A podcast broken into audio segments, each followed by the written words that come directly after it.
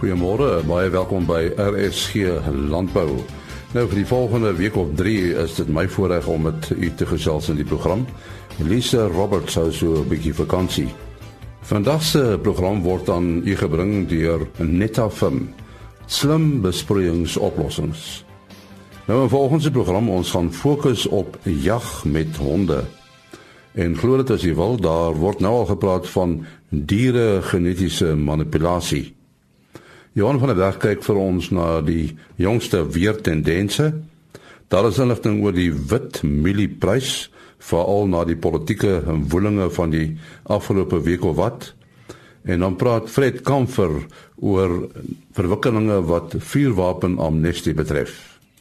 Natuurlik is daar ook nuus oor veilinge en ook oor die jongste vleispryse wat behaal is.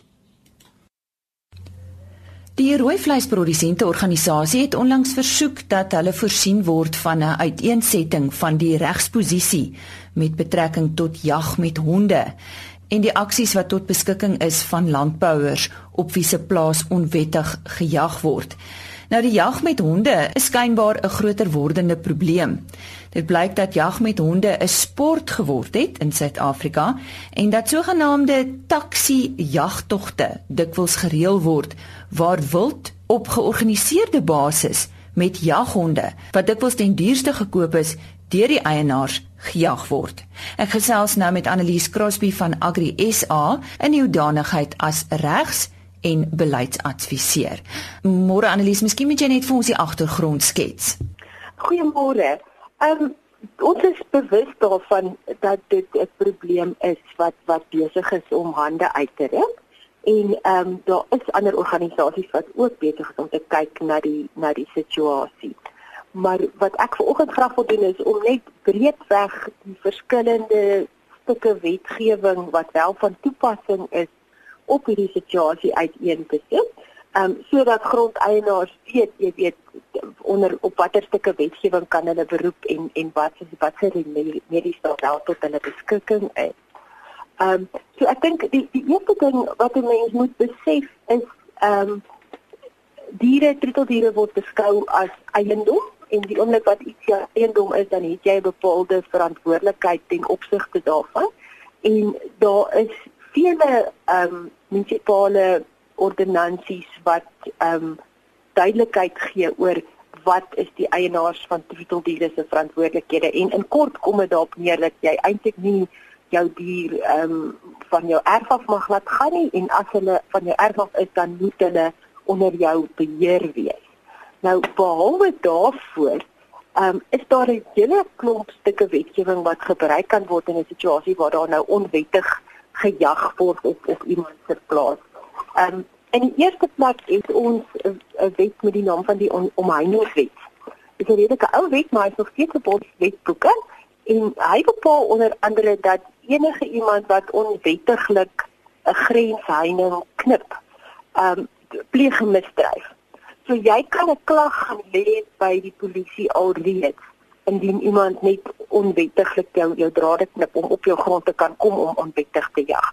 Die die tweede stuk wetgewing wat van toepassing is is die wet op oortreding. Dis ook 'n ou stuk wetgewing, maar nog steeds van toepassing wat basies sê dat die betreding van eiendom sonder die toestemming van die eienaar of die persoon in beheer is 'n misdrijf. En 'n kriminele klag kan ook gelê word teen enige iemand wat met ander woorde sonder toestemming net op jou grond kom. Dan is die DBV se wet seker ook van toepassing. Daar's daar's artikels in die dierebeskermingswet wat sê dis 'n misdrijf om enige dier bloot te stel aan 'n aanval deur 'n ander dier. So en hierdie ding kan twee kante toeslaan. Dit dit kan neerkom op mishandeling waar jy 'n hond gebruik om 'n wilde dier te jag en da, en daardie hond word beseer deur die wilde dier En andersom natuurlik, as jy as jy sy veel wilde diere op jou eiendom het wat dan beseer of gedood word, dan kan dit 'n oortreding in terme van daai wet daarstel. Ehm um, dan die wet op vee diefstal wat waarskynlik een is wat wat die boere redelik goed ken. Ehm um, wat sê dat dit is 'n misdrijf om op grond te kom selfs net met die bedoeling om vee te steel.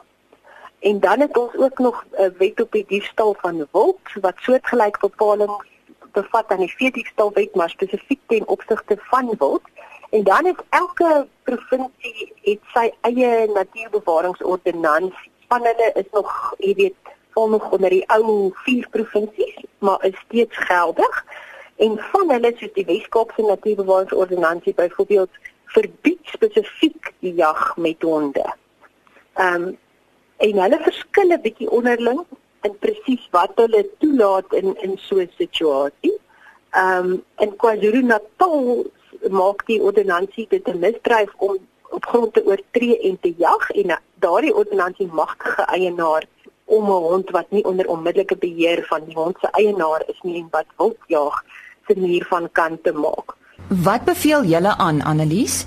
Ons ehm um, beveel jy weet basiese versigtige benadering aan.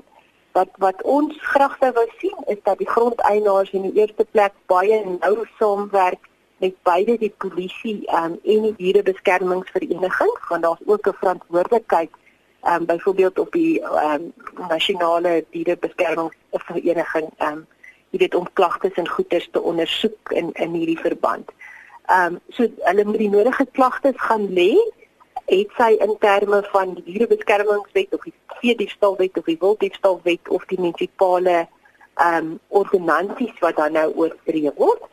En dan is die enigste jy weet situasie regtig waar 'n boer kan skiet is waar hy in nood weer optree. En daar is baie spesifieke vereistes wat ehm um, bewys moet word as mens jou suksesvol be, wil beroep op noodweer. En wat is dit? Dit is kortliks die volgende: jy moet bewys daar was 'n regsbelang in die vorm van lewe of eiendom wat bedreig was. In die tweede plek moes daar 'n noodsituasie bestaan het en daar moes 'n onmiddellike bedreiging gewees het. So weet dit kan nie sommer net 'n val of 'n verwyderde bedreiging gewees het met 'n onmiddellike situasie wees wat aangespreek word. Daai dreigende noodsituasie moet voortspruit uit onregmatige optrede, met ander woorde iemand wat iets gedoen het wat hy nie in terme van die reg toegelaat is om te doen nie. Ehm um, die optrede aan die kant van die grondeienaar moet noodsaaklik wees om daai dreigende gevaar aan te spreek en die skade wat veroorsaak word deur die deur die optrede in hierdie geval dan nou die onwettige jag met honde moenie buite verband wees met die belang van die van die boer wat beskerm word nie. So daar moet ook jy moet ook 'n balanserings jy weet oefening doen in jou kop. Ehm um, van wat is die potensiële skade wat jy gaan veroorsaak as jy nou optree en skiet en en wat is die skade wat gaan volg as jy dit nie sou doen nie.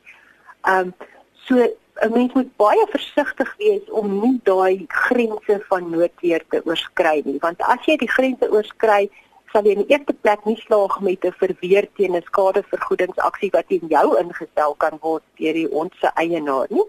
En onder sekere omstandighede kan jy jouself blootstel aan vervolging.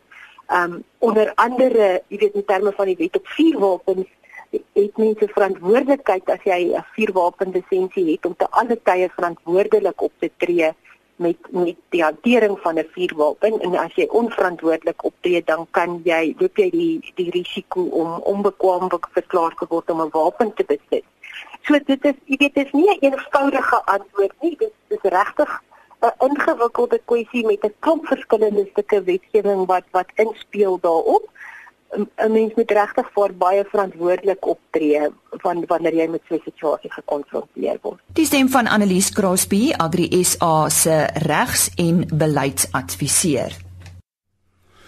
Ons uh, gesels nou met uh, professor Norman Casey van die departement vee en witkunde aan die Universiteit van Pretoria. Nou, jy het al baie gehoor van uh, eh, GMO of genetiese manipulasie.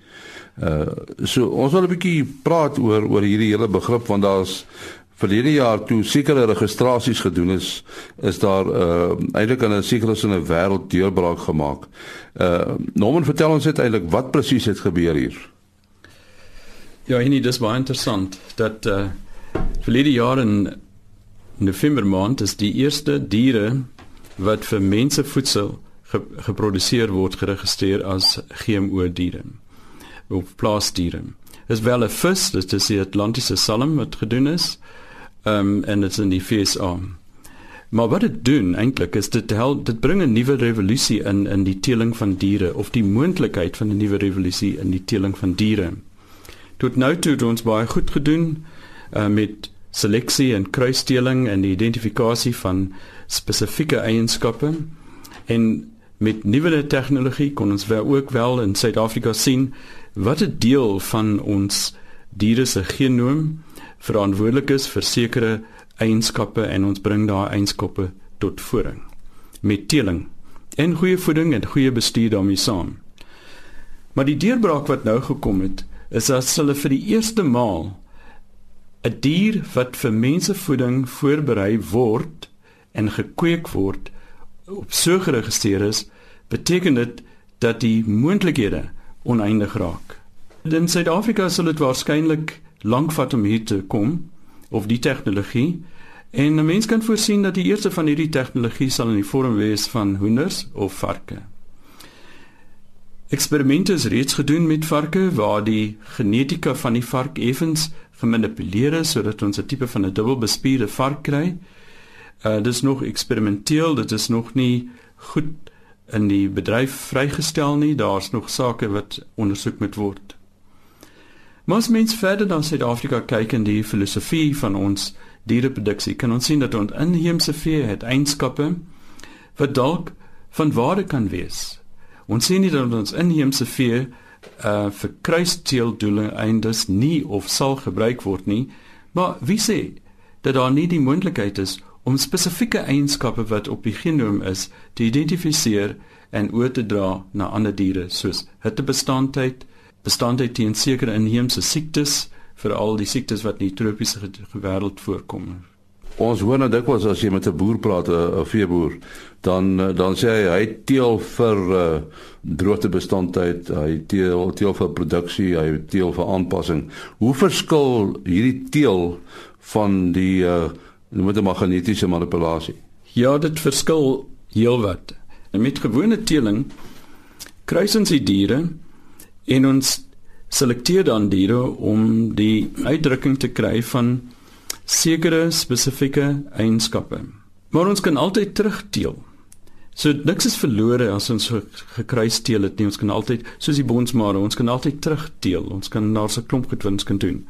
Maar sodra jy iets oorgedra het dat dit permanent in die genoom is, dan het jy so eintlik 'n nuwe organisme geskep. So die tipe diere wat dan geskep word is totaal nuut. So die vraag wat eintlik kom is as ons hierdie tipe tipe organisme skep. Nou of dit geskep word vir medisyne doeleindes vir mense en of dit geskep word vir voedseldoeleindes, die vraag is wat is die impak daarvan, die moontlike impak daarvan op die omgewing?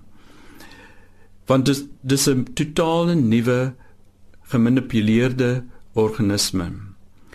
En dis moet die die wetgewing wat dit beheer moet uit te streng wees. En die FSA nadat hulle hierdie salmon nou geregistreer het, het hulle nuwe reëls uitgebring wat in nou in uh, Januarie maand 2017 gepubliseer is vir kommentaar. Eh, want daar's hier wat mense wat vra goeie vrae vra oor wat is die toekoms daarvan? Ehm um, wat is die impakte daarvan op die omgewing en ehm um, wat is die moontlike verdere gebruik van sulke diere? Eh, in Suid-Afrika, waar staan ons wat dit betref? Nou my kennis is ons nog nie na naby nie. Maar dit beteken nie dat ons dit nie sou kon doen nie, want as ons al klaar weet watter van ons genoom verantwoordelik is vir die uitdrukking van wie sê dat die moontlikheid om dit oor te dra nie nou al reeds daar is nie. So die moontlikheid kan maak daar wees, maar die wetgewing en die beheer daaroor is nog nie in plek nie. Maar wat ook dikwels gebeur oor hierdie soort van ding, ons het uh, gesien in die plantwêreld, mieliewêreld veral dat daar ehm um, 'n lobbygroep is wat regtig gekant is teen genetiese manipulasie dit bly nog 'n probleem, né? Nee? Ja, dit bly 'n probleem van hulle kant gesien. Dis nie noodwendig 'n probleem nie. Weereens as 'n mens die die reëls toepas, dan hoort dit nie 'n probleem te wees nie. Ek moet ook daarby voeg dat daar wel wetgewing is in Suid-Afrika wat genetiese gemanipuleerde organismes toelaat onder die sekere omstandighede. Maar ons het nog nie so ver gevorder na my weet my kennis nie dat uh, diere vir menslike gebruik in daardie gebied val nie. Dis wel op die oomblik nog net plante uh vir voeding en ook suurplante. Professor Norman Casey van die Departement Vee en Wildkunde aan die Universiteit van Pretoria. Volgens aan die woord die onafhanklike tegniese analis Frans de Klerk en hy fokus nou op die witmielie-prys. Hierdie gesprek het ek met hom gehad net na die regeringskommeling wat deur president Jacob Zuma aangekondig is. Hy kyk na die witmielies van Julie maand. En en ek glo Julie maand is net om die draai. Ek persoonlik kyk deesdae na die Desember maand omdat die oes al reeds half beskikbaar is, maar die die mielies is niks anders op die oomblik as 'n rand dollar spel nie. Die die oes lyk pragtig, boere is verskriklik gelukkig. Almal glo dat die die oes is letterlik 'n rekord. Oes ek lees nou die dag dat hulle praat van dit gaan die beste oes in 36 jaar wees. Maar nou die nadeel is dit gaan dalk die beste oes in 36 jaar wees, maar as die boer nie meer in sy sak kry nie, dan kan dit dalk vir 'n ramp wees. En as ek na hierdie grafiek kyk, dan sien ek 'n baie sterk vlakkie wat hier na vore kom. Die die mielieprys was hier by 1700, dit was die laagste punt van 'n kanaal. Inteendeel op daardie dag, nou vir die luisteraars wat dalk nou kersse ken of kerstegniek ken, daardie dag het 'n grafiekie plaasgevind, ag 'n kersplaasvind wat sê dis 'n donder weer kersie. Nou 'n donder weer kers het dan plaasgevind op Maandag die 27ste Maart. Nou daai donder weer kers en ons almal wat met plase werk en met die natuurwerk weet dat 'n donder weer kan twee dinge bring. Hy bring of vir jou haal wat vir jou meer skade inbring of hy bring 'n lekker baie reën sodat die goed lekker kan groei. Dis presies wat dit toe gebeur het. Die donder weer kerf het toe die omdraai in die witmielieprys veroorsaak en nou wil ek amper so ver gaan om te sê as die witmielieprys bo 1882 rand kan vaskop dan is die omdraai van die witmielieprys beslis baie sterker na bo as wat ons enige laagtepunte verwag. En nou gaan ek vir die boere sê, as hulle dan nou koop naby 1882 of dalk 'n rapsie bo dit as hulle nou nie kan wag nie, dan kan hulle gebruik die volgende vlak as 'n keerverlies net om hulle kapitaal te beskerm is letterlik 1795 en as daardie vlak van 1184 'n steun bly kan ons dalk verbaas wees om te sien dat mielies kan so hoog gaan soos R2065 en selfs R2105 per ton. En nou wil ek amper sê as die rand gaan bly verswak en ons bly onstabiliteit kry, dan kan die mielieprys werklik verbaas. En daar is iets anders wat ons dalk in gedagte moet hou vir die boer wat nie nuwe USD wil koop om om te verskans teen swakker rand nie. Daar's niks fout daarmee om 'n bietjie mieliekontrakte te koop, maar asseblief Weereens, onthou 'n mieliekontrak is 'n termynkontrak wat gerad het boom is. Met ander woorde, hy kan jou baie seermaak as jy te veel kontrakte koop en jy nie genoeg geld in die bank het nie. Maar as jy pesel en jy dink jy kan binne jou vermoë dit verhandel, kan die mieliekontrak 'n wonderlike instrument wees om jou te verskans teen die swakte van die rand oor tyd. Ek het daar gesels met Frans de Klerk, die onafhanklike tegniese analis, en sy e-posadres is fdk@telkomsa www.rsg.net. Ons uh, gesels nou met Johan van der Berg van Santam Landbou. Kyk 'n bietjie na die weerpatroon hierdie tyd van die jaar. Dit is nou uh, kom ons sê vroeg herfs, net Johan. Ja, dit is uh, hierdie tyd van die jaar die somerreënval uh, patroon of ten minste die somerreënval is besig om af te neem tradisioneel. Maar ek, ons het vanjaar regtig maar 'n stomp afsny gehad van reën van Februarie na Maart se kant toe. Aan die een kant is dit waarskynlik positief vir die gebiede wat baie reën gehad het, ehm uh, waar natter toestande of meer reën meer probleme of probleme sou veroorsaak het. Maar eh uh, aan die oor die algemeen eh uh, sou ons daarom sou dit goed gewees het om 'n 20 of 'n 50 mm in Maart te kon kry. Ons sien op hierdie stadium dat van die laat aangeplante grane 'n uh, bietjie 'n bietjie ehm uh, droogteskade begin kry. Uh ons weiden het baie goed gegroei, maar hulle begin ook droog word, so ons gaan 'n vroeë droë winter al begin ervaar. So mense baie graag wou daarom meer opgegaarde grondwater vir volgende jaar wou oorgedra en dit lyk nie op hierdie stadium so nie want um, die grane gebruik al die goeie reën wat in Januarie en Februarie voorgekom het nou op en dit lyk ook nie asof hier oor die kort termyn regtig goeie reën kan voorkom nie. Daar is 'n kans vir kort op die kort termyn hier die tweede week van April en ek sien van die voorspellings wys ook hier na my maand se kant toe, maar oor die algemeen behoort dit redelike ligte reën te wees uh oor die somerreënvalgebied, baie onseker nog oor die winterreënvalgebied. Ons sien dat uh die laaste week of so van April begin die koue front te deurkom, die temperature oor die binneland begin daal, so skerp daal en dan kan daar dalk 'n uh, eh, bietjie reën voorkom oor die Weskaap, maar die groot bekommernis bly nog oor die Weskaap oor die kort termyn. Dat sê uh, Johan van der Berg met 'n uh, uh, kykie na die weer hierdie tyd van die jaar. Ons uh, gesels nou met Fred Kamferhuis, die uitvoerende hoof van die SA Jagters en Wildbewaringsvereniging. Ons praat met hom oor uh, die wapenamnestie. Nou Freddy die uh, amnestie tydperk vir die vrywillige inhandiging van onwettige vuurwapens is gekanselleer. Net so 'n bietjie die agtergrond, hoekom het dit gebeur? En nie dis ehm um, eintlik 'n redelike eenvoudige rede. Die minister het die amnestie bekend gestel, afgekondig ehm um, in die pers bekend gestel. Dis nie in die staatskoerant gepubliseer soos dit moet word nie, maar hy het vergeet dat hy vooraf die parlement se goedkeuring moet kry om 'n amnestie af te kondig. En ehm um, sonder die parlement se goedkeuring sou die amnestie nie wettig wees nie of geldig wees nie. Die wet sê valid. Ehm um, en daarom is die amnestie gekanselleer. Hulle kon nie voortgaan daarmee nie omdat daar nie parlementêre goedkeuring was daarvoor nie. En en wat is die pad nou vorentoe? Kyk, die amnestie sal by 'n later geleentheid afgekondig kan word gegee dat die minister eers na die parlement toe moet teruggaan wat vir die eerste keer in Mei weer in sitting sal wees. Die saak op die sakelys in die parlement kry en goedkeuring kry en dan sal hy wel 'n amnestie kan afkondig en ek glo nogal dat hulle dit waarskynlik sal doen. En die implikasie vir die ouens wat wapens het? In terme van die wet, ehm um, en is artikel 39 en wet 60 van 2000 die wet op vuurwapenbeheer, kan die minister enige tyd 'n amnestie afkondig. So 'n amnestie sou beteken dat wapens ingehandig kan word en dat die individu wat die wapen inhandig nie vervolg sal word vir die onwettige besit van die wapen. Al hierdie wapens word in terme van die proses wat die polisie volg, ballisties getoets en sou dit met enige misdaad verbind word, uh, dan kan die individu steeds vir die betrokke misdaad vervolg word.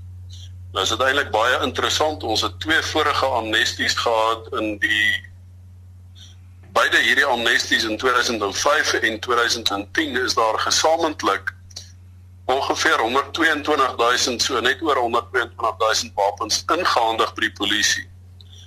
Almal van hulle is ballisties getoets en met twee vrae wat in die portefeulje komitee gevra is aan die minister waarop die adjunkkommissaris van polisie geantwoord het is dit duidelik dat nie een van hierdie wapens met misdaad verbind is nie en dat niemand inderdaad vervolg is vir die inhandig van hierdie wapens of dan omdat dit in misdaad gebruik is nie.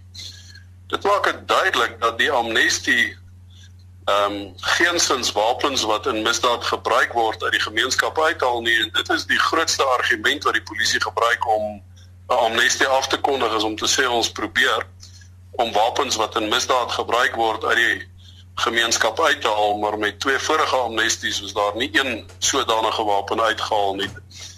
Die implikasie daarvan is dat dis maar wapens wat individue eintlik nie meer wil hê nie of wat toevallig onwettig in hulle besit is wat ingehandig word onder hierdie amnesties en nou kan jy vra hoe toevallig in iemand se besit Ehm um, dis klassiek gevalle waar ek 'n vriend of 'n neef of 'n oom of 'n pa wat besluit hy gaan nie langer in die land bly nie en hy emigreer Australië toe en hy gee die geweer of die revolver of die pistool vir my en dan gaan ek maar die ding inhandig want ek het hom nie wettig in my besit nie, hy is nie in my naam gelisensieer nie.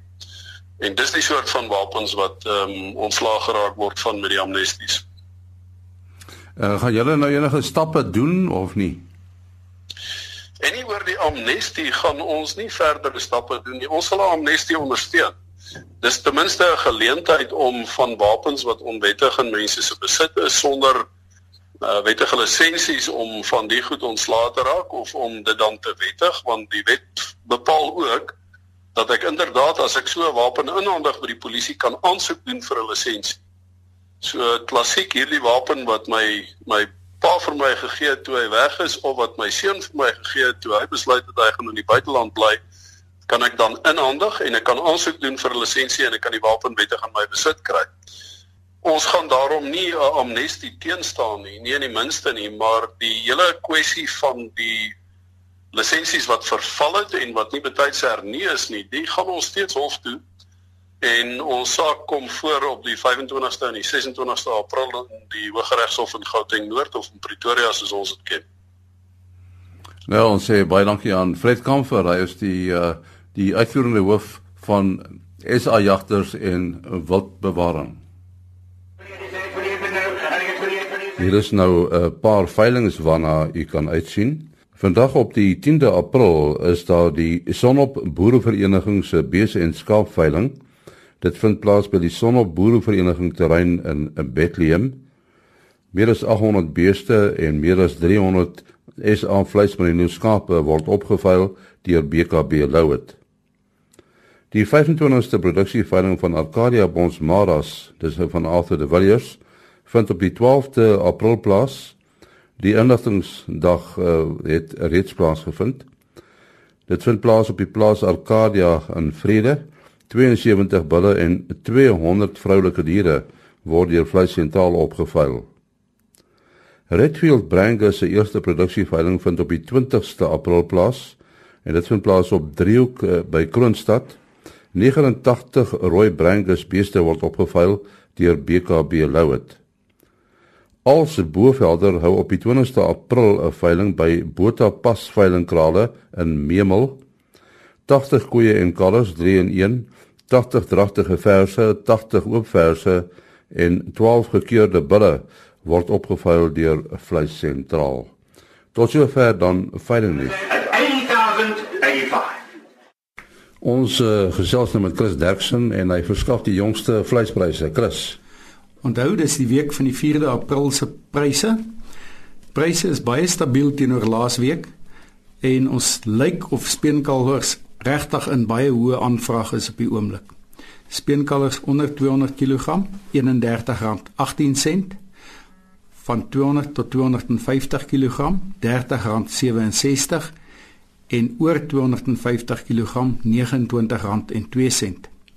A klasse R25.50, B klasse R20.25, C klasse vetkoeie R19.33 en kwaliteit markkoeie 1649 en wat nie so mooi is nie is so vir 1475. Slagbulle R21.01 en die skaapmark stoorlam R32.56 vetlam presies R30 maaroeie R23.15 en vetoeie R23.45 sent per kilogram. En indien ons van enige verdere hulp kan wees, skakel maar enige tyd na 08280 75961. Baie dankie. Baie dankie, Chris Derksen. Vandag se program is aan jou gebring met komplimente van Netafim. 25 jaar van slim besproeiingsoplossings. Een van die sake wat ons in môre se program hanteer is drip besproeiing. RSG Landbou is 'n produksie van Blast Publishing. Produksieregisseur Henny Maas. Aanbieding Lisa Roberts en 'n notas koördineerder Jolande Rooi.